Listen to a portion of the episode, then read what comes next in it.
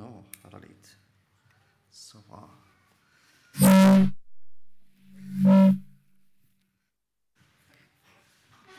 Veldig god lyd. Kjekt å se dere alle sammen. Takk for velkomst. For dere som ikke kjenner meg, så har jeg mitt virke her på Fjellheim og er veldig glad for det å være sammen med alle disse flotte ungdommene som er her. Det syns jeg er et privilegium. I dag skal vi ha et tema om bønn eh, ut fra søndagens tekst. Og eh, før vi leser tekst og går videre, så skal vi be igjen.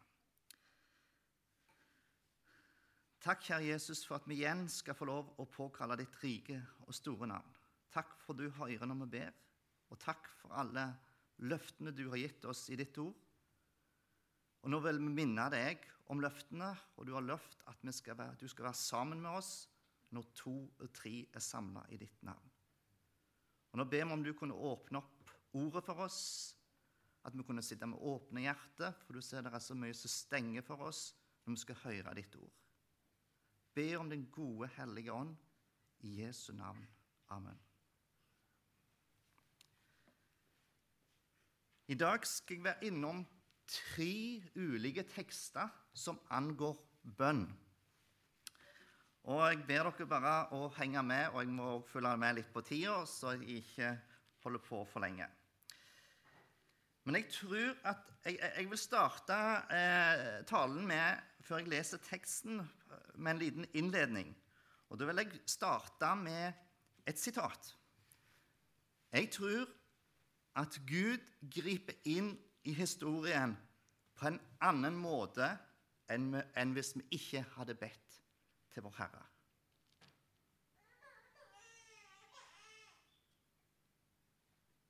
Dagens tekst handler om bønn.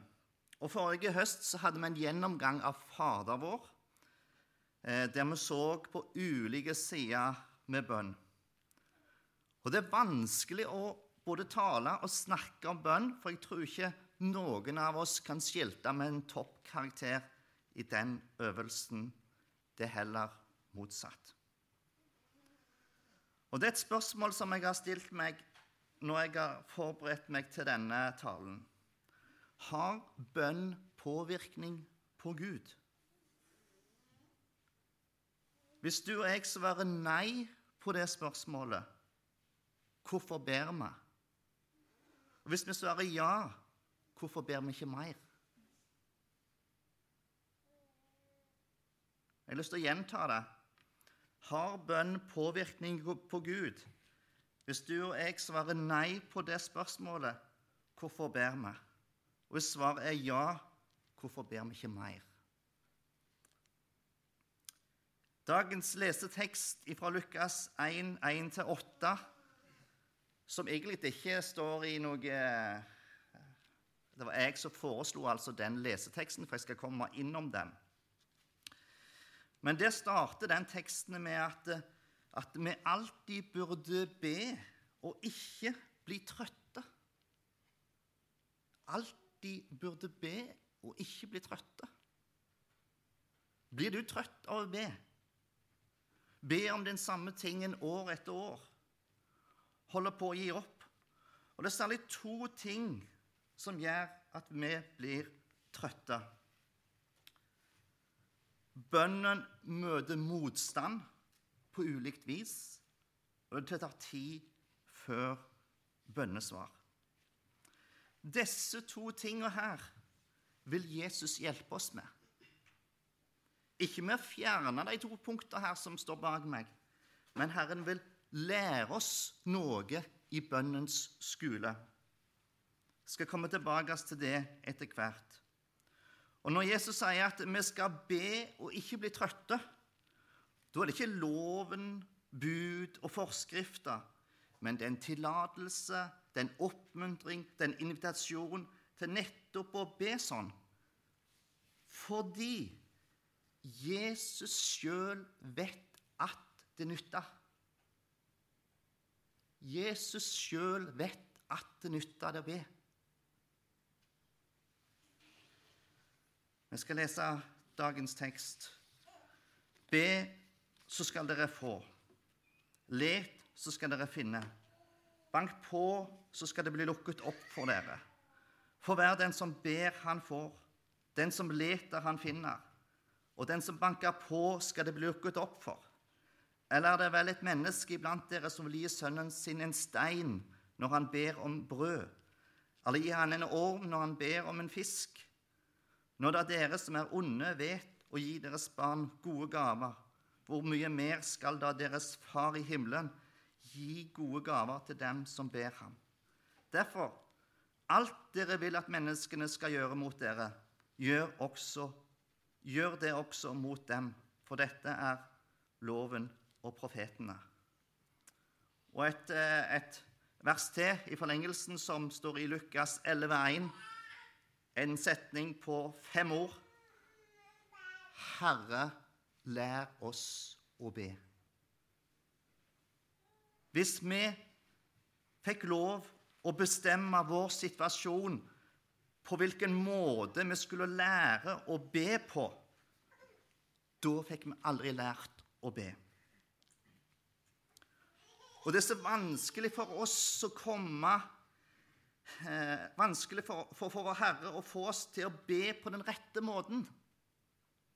Komme i den rette bedestilling, for å si det sånn. Og nå snakker jeg ikke om, om å komme på kne, men det komme i, i en, en, en, en, uh, hjertebedestilling. Vi klarer oss så godt sjøl. Disiplene hadde behov for å si til Jesus her i Lukas 11,1.: Herre, lær oss å be. Og tør vi ta de samme ordene inn i våre liv og våre lepper denne flotte søndagen? Herre, lær ikke oss, men Herre, lær meg å be.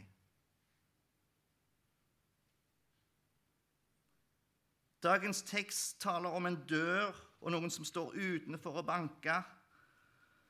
Og I vers 8 så står det For hver den som ber, han får. Den som leter, han finner.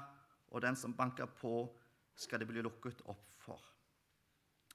Og Så fortelles det videre her i denne teksten Eller er det vel noe Eller er det vel et menneske iblant dere som vil gi sønnen sin en stein når han ber om et brød? Og vers 11.: Når da dere som er onde, vet å gi deres far, deres barn, gode gaver, hvor mye mer skal deres far i himmelen gi gode gaver til den som ber han? Det er et bilde, det er en sannhet om at Gud vil oss bare godt. Vi skal tilbake til leseteksten. Vi skal gå litt att og fram mellom disse tekstene her. Andre leseteksten er fra vers 3. Og det var en enke der i byen. Hun kom, gang, hun kom gang på gang til ham og sa, 'Hjelp meg til å få rett over motstanderen min.' Lenge ville han ikke, men til sist sa han til seg selv, 'Om jeg verken frykter Gud eller tar hensyn til noe menneske,' 'så vil jeg likevel hjelpe denne enken til å få rett,' 'fordi hun bryr meg slik, ellers kommer hun vel til slutt til å slå meg.' Her ser man en enke som kom til en dommer for å få hjelp over sin motstander. Hun ga seg ikke, men kom gang på gang. Og til slutt fikk hun hjelp fordi hun brydde dommeren så mye. Enka var i nød, og enka fikk hjelp. Og Jeg har stilt spørsmålet her før dette møtet her, når det står i teksten om å banke på Jesu dør. Så jeg stiller spørsmålet Hvem banker på Jesu dør? Hvem banker på Jesu dør? Jo, de som er i nød. De som er i nød, banker på Jesu dør. Denne enka var i nød med sitt liv.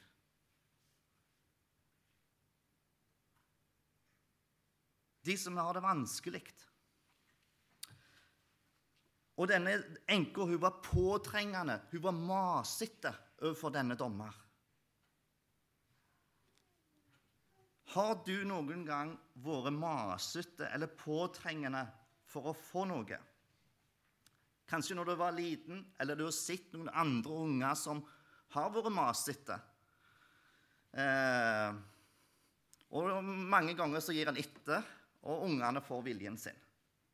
Andre ganger så sier vi absolutt nei, fordi det var det beste for barnet. Jeg vet ikke om alt i dette bildet kan overføres til bønnen. Men én ting er sikkert. Denne bibelteksten fra Lukas 18 sier noe om at vi skal være masete, påtrengende. Den sier det. Og Hadde det ikke stått der, så hadde jeg ikke tatt og sagt det til dere i, i min munn. Men det står det i Bibelen. Hun var påtrengende. Hun var masete.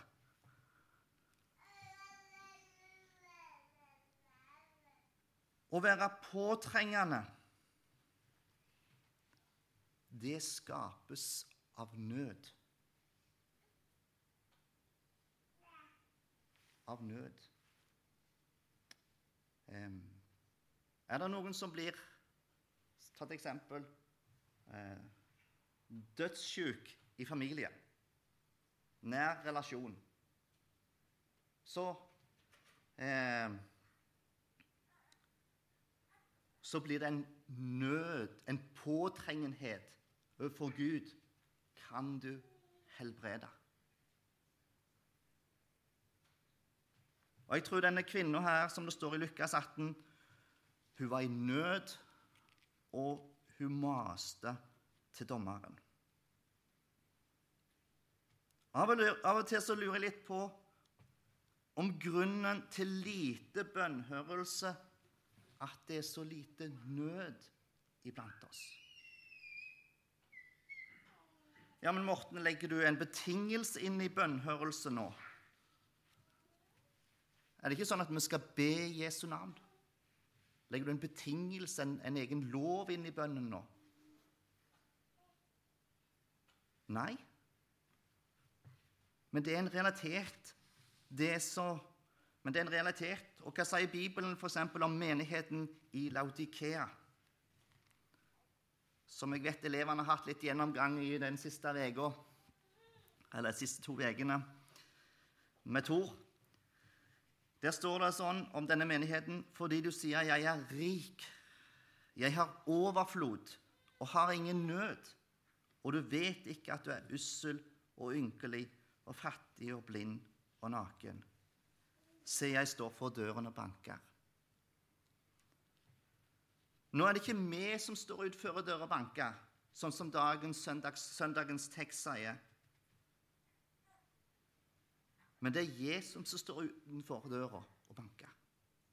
Det er motsatt. Og Det som særmerker denne Laudikea-menigheten, er at de har ingen nød. De har ingen vanskeligheter. Og dette ordet det tar meg gang på gang. Har jeg ingen nød? Har jeg ingen nød for at mine synder må bli sletta ut? Har jeg ingen nød for min egen sjel? Har jeg ingen nød for de som er mine nærmeste? Har jeg ikke nød for denne verden? Har vi ikke og Vi kan ha nød på ulikt vis som, som, som, driver oss til Jesus. Og jeg kunne tatt med et uttatt, utall eksempler her. Men har jeg nød? Og Bibelen sier her rett og slett Har jeg ikke nød, da er jeg ille ute. Hvis vi skal ta denne Laudikea-menigheten på alvor, og det vil iallfall jeg.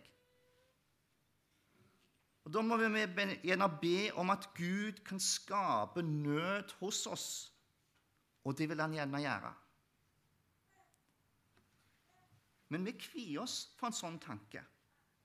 Vi vil ikke være i nød. Vi vil klare oss sjøl. Vi kvir oss for dette. Jeg skal videre til det siste verset i denne Lukas 18-teksten. Og Herren sa Hør hva den urettferdige dommeren sier. Men skulle da ikke Gud hjelpe sine utvalgte til deres rett, de som roper til ham dag og natt? Er han sen når det gjelder dem? Jeg sier dere, han skal skynde seg å hjelpe dem, så de får sin rett. Døra inn til Guds hjerte er åpen. Han har sagt 'bank på'. Han har sagt 'leit', og han vil lukke opp for oss. Han har sagt 'vær påtrengende og masete i bønnen'. Og dette er en bydelse, en oppmuntring og en trøst for alle som ber til Han. Og En annen ting som jeg tror er viktig å få med her En annen viktig grunn til at Jesus vil være påtrengende i bønnen, at vi skal være påtrengende i bønnen, det er at han ønsker en relasjon med oss.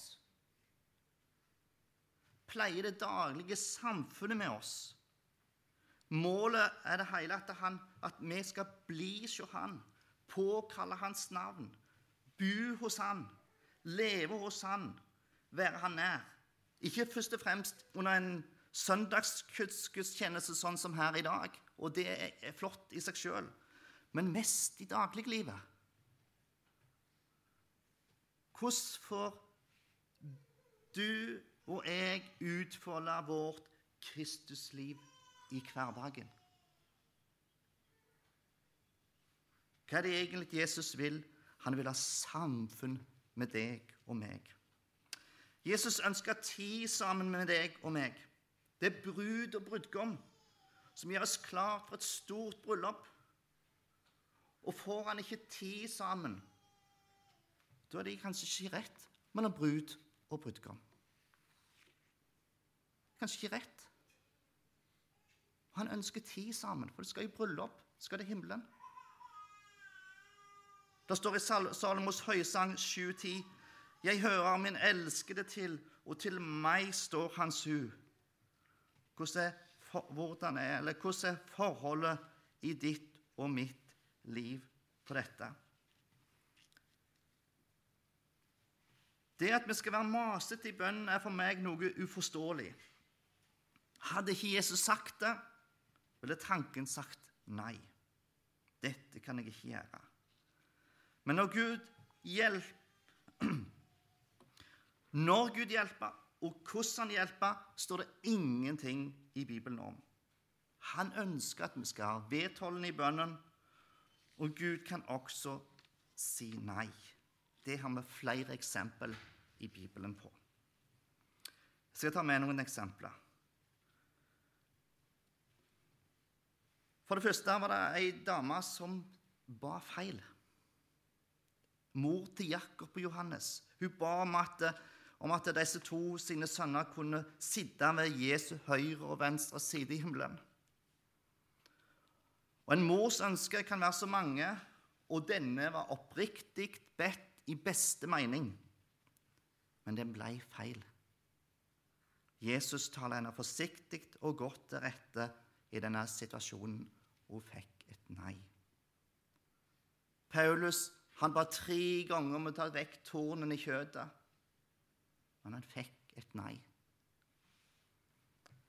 Og Guds nei kan være den største velsignelse. Guds nei kan være den største evangelium for oss. Og Derfor kan vi òg takke for et nei til Han som har kontrollen på oss og vet best hva som tjener oss best. Og vi får som regel en større rikdom gjennom et Guds nei, hvis det er det som er svaret. Guds nei er også bønnhørelse. Guds taushet er også nåde. Gud har god tid, og han arbeider på lang sikt. For meg har det blitt sånn jeg ber om en konkret sak. Gud, du hører jo ikke du må svare snart. Og så kjenner jeg så mye motstand eh, mot å be for det og det. Motstand hos meg sjøl fordi jeg ikke får bønnhørelse. Og det oppleves som motstand for Gud siden han ikke svarer. Vi vil gjerne ha den korteste og raskeste eh, svar, men Gud arbeider på lang sikt. Og så oppfordrer Gud oss til å trosse denne motstanden og fortsette å be. Han inviterer oss inn i sitt samfunn og ber oss å være vedholdende og ikke bli trøtte. Og Nå skal jeg ta dere med inn i en historie om Lot og Abraham og Sodoma og Gomorra. Gomorra. Tenk på denne byen som ble ødelagt. Jeg tror de fleste av dere kjenner historien. Der ugudeligheten hadde blitt stor i samfunnet. Eh, og, og, og, det må ha blitt sånn at eh, myndighetene òg hadde godkjent disse lovene, at folk fikk lov å leve sånn i Sodoma Gomorra. Og det er en parallell til, til, vårt samfunn på en måte hvordan storting og regjering godkjenner lover som er imot Guds ord. Og det er en parallell til Sodoma og Gomorra. Samfunnet var jeg kaller det uttrykket pillråttent. Pillråttent. For de går imot Guds lover og Guds ord. Og Vi skal lese noen vers fra den historien.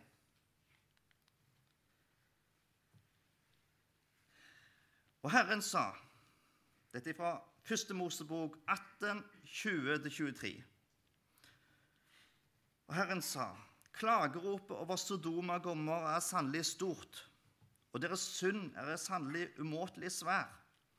Nå vil jeg stige ned og se om det på alle vis har handlet slik som det høres i det, rop, i det ropet som er kommet opp til meg. Og hvis ikke, vil jeg vite det.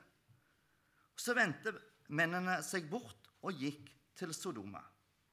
Og så står det Men Abraham ble fortsatt stående for Herrens åsyn. Abraham, bønnekjempen, ble stående for Herrens åsyn. Og så står det videre i verset 23. Men Abraham trådte nærmere og sa, Vil du da rive bort den rettferdige sammen med den ugudelige? Det likna litt på den enka her som vi leste om fra Lukas 18. Hun maste på dommeren. Abraham ble stående for Herrens åsyn. Han trådte nærmere, og nå ba han. Og så videre kjenner vi til historien hvordan Abraham ber til Gud. Ber han ta hensyn til om det blir 50 rettferdige i byen, spar byen. Og så går han ned på tallene 45, 40, 30, 20, ja, helt ned til 10. Og da stopper det, og det står i siste vers i kapittelet Så gikk Herren bort da han hadde talt ut med Abraham, og Abraham vendte hjem igjen. Det står ikke at Abraham hadde talt ut med, Abraham, med, med Herren, men motsatt. Det står nemlig at Gud hadde talt ut med Abraham. En liten detalj som for meg betyr noe. Og hva betyr det? Jeg skal forsøke å forklare det om et lite øyeblikk, sånn så godt jeg kan.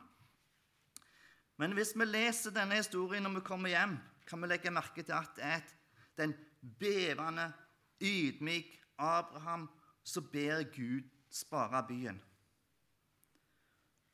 Og vi kan lese det, Vi ser en Abraham i nød. Og han, han trer fram for Herrens åsyn. Vi kan lese fra vers 27. Se, jeg har dristet meg til å tale til Herren enda jeg er støv og aske. Vers 30. Og Herre, Herren må ikke bli vred om jeg taler. Og vers 31. Se, jeg har dristet meg til å tale til Herren. Og vers 32. Herren, bli ikke vred om jeg taler bare denne ene gang. En Abraham i nød drista seg fram for Herrens åsyn, og så ber han. Og så skal du legge merke til alle de gangene der så svarte Gud ja når Abraham ba. Og da, etter dette, den siste gangen så våger ikke Abraham å be mer. Og vi blir lukka inn her i et intimt bønnefellesskap mellom Abraham og Gud.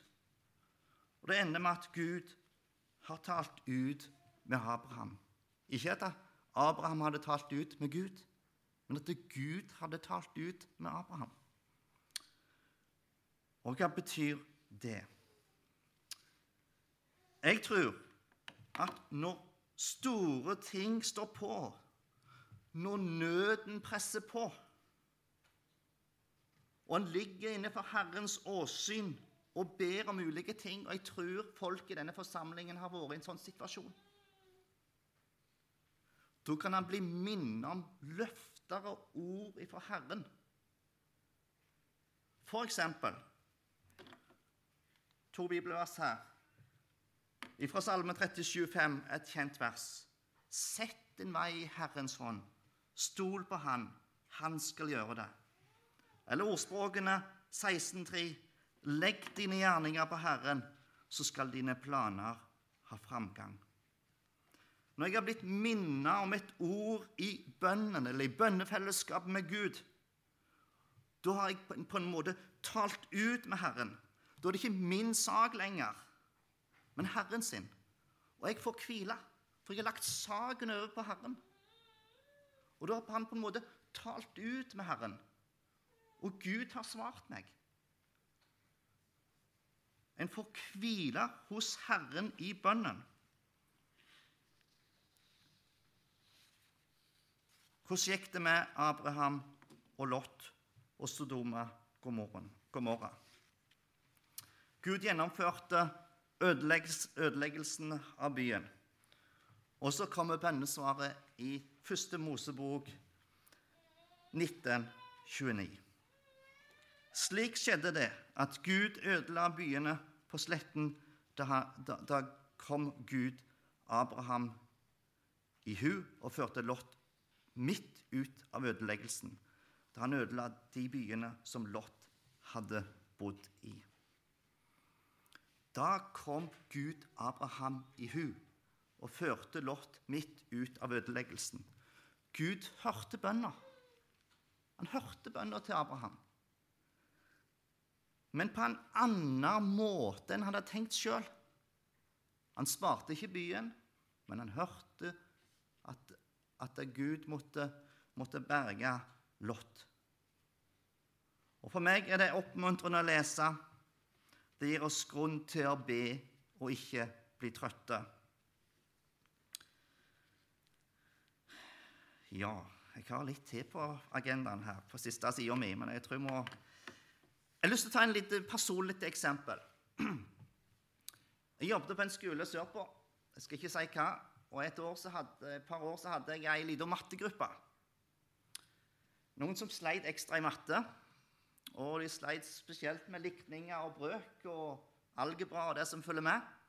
Som er en kjent, kjent ting som, som, som, folk som sliter litt med matte, sliter med. Og jeg ba mye for disse fem guttene.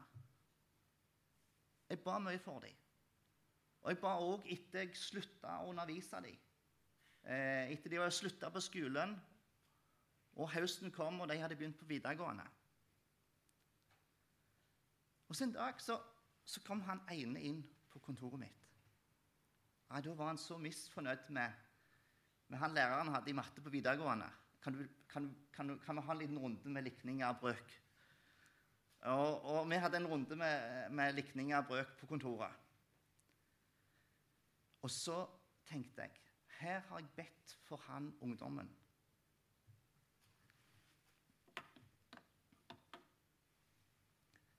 Så mye. Og her sitter han rett framfor meg. Og Så kommer han på besøk på kontoret. Og For meg var det et bønnesak. Og, så måtte jeg si Har du gjort noe med Jesus? Du har hørt om Jesus her på den skolen du gikk. Og så måtte jeg ha en samtale med ham om Jesus. For meg var det et spennende svar at han kom på kontoret. Og det jeg har lyst til å si med dette bildet Hvis du ber for noe, eller ber for noen, så kan det få konsekvenser i ditt personlige liv. For da må du gjerne gjøre noe hvis du treffer noen i din vei. Men jeg snakker med noen om Jesus. Og så fikk jeg en samtale med han der på, på kontoret. Jeg vet ikke hvordan det har gått med han etterpå, men for meg ble det helt konkret der jeg satt. Her er et bønnesvar rett framfor meg. Og så måtte jeg snakke med han om Jesus. Så jeg har lyst til å si en liten ting til, til ektepar. De som er to sammen. En ber gjerne har en andakter sammen, men jeg tror det har en verdi òg å be sammen. At ektepar setter sammen. Ja, nå må vi be sammen. Nå må vi be for byen. Nå må vi be for naboene våre. Og så kan jeg love dere én ting. Dette går ikke automatisk. For den vonde han vil sette masse krefter inn på at vi ikke skal be sammen. Bare prøv.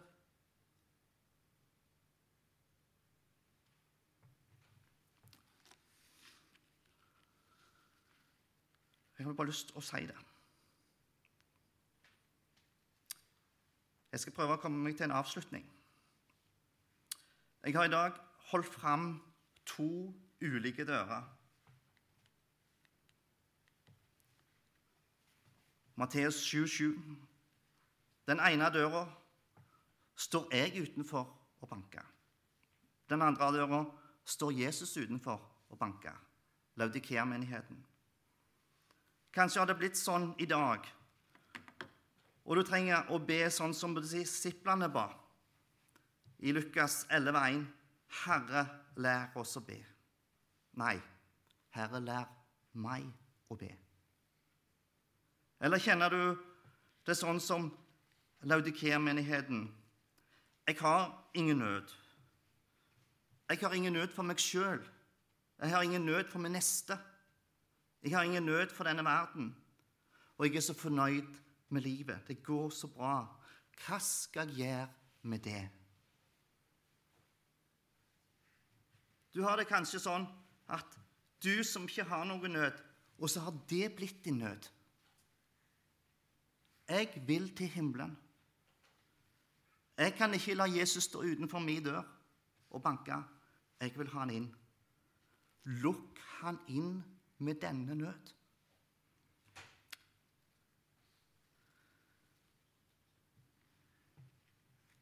Lukk han inn. Han vil gjerne inn og holde nattvær, som det står om i Johannes' åpenbaring 3. Eh, inn og holde nattvær, det vil si minne seg sjøl og det han har gjort for deg. Vi har en byrdebærer iblant oss. Vi har en byrdebærer iblant oss. Det glemmer vi så lett. I vårt daglige liv i de små og store ting. Vi har en byrdebærer iblant oss. Jeg har lyst til å ta et bilde ifra på kort. Der I den første perioden vi bodde da i Kenya, så bodde vi i en stasjon som heter Propoi, eller Shepareria. og Hver torsdag så var det markedsdag nede i byen. Og Da kom folk langveisfra skulle selge sine Eh, det kan være poteter, det kan være mais og, og, og gulrøtter og andre ting. Og som regel så hadde de et esel med seg. Når de kom langt gående, så hadde de et esel som bar dette, denne, denne eh, bagasjen til markedet. Men så har jeg tenkt på dette bildet her. Tenk hvis det er en som gikk ifra et fjell langt vekke og så gikk han med byrdene i sine sjøl på ryggen. og så gikk eselet på sida uten noe bagasje. Han vil bli helt utslitt når han kommer fram til markedet. Det er et svakt bilde jeg bruker her nå. Men jeg håper du ser hvor jeg vil hen. Vi har en byrdebærer iblant oss som går med oss, og han vil at vi skal legge byrden over på han, stort og smått. Til slutt et vers fra Salme 116, vers 7. Kom igjen til din ro, min sjel, for Herren har gjort vel imot deg. Du skal få hvile hos Han. Du skal få slippe å streve, slippe å kave, slippe å oppfølge, slippe å holde maska, slippe å gjøre noe. Du skal rett og slett få slippe fordi Herren har gjort vel imot deg. Kom til Han med all din nød, og Han vil ha fellesskap med deg og med meg. Bank på, og Han vil lukke opp.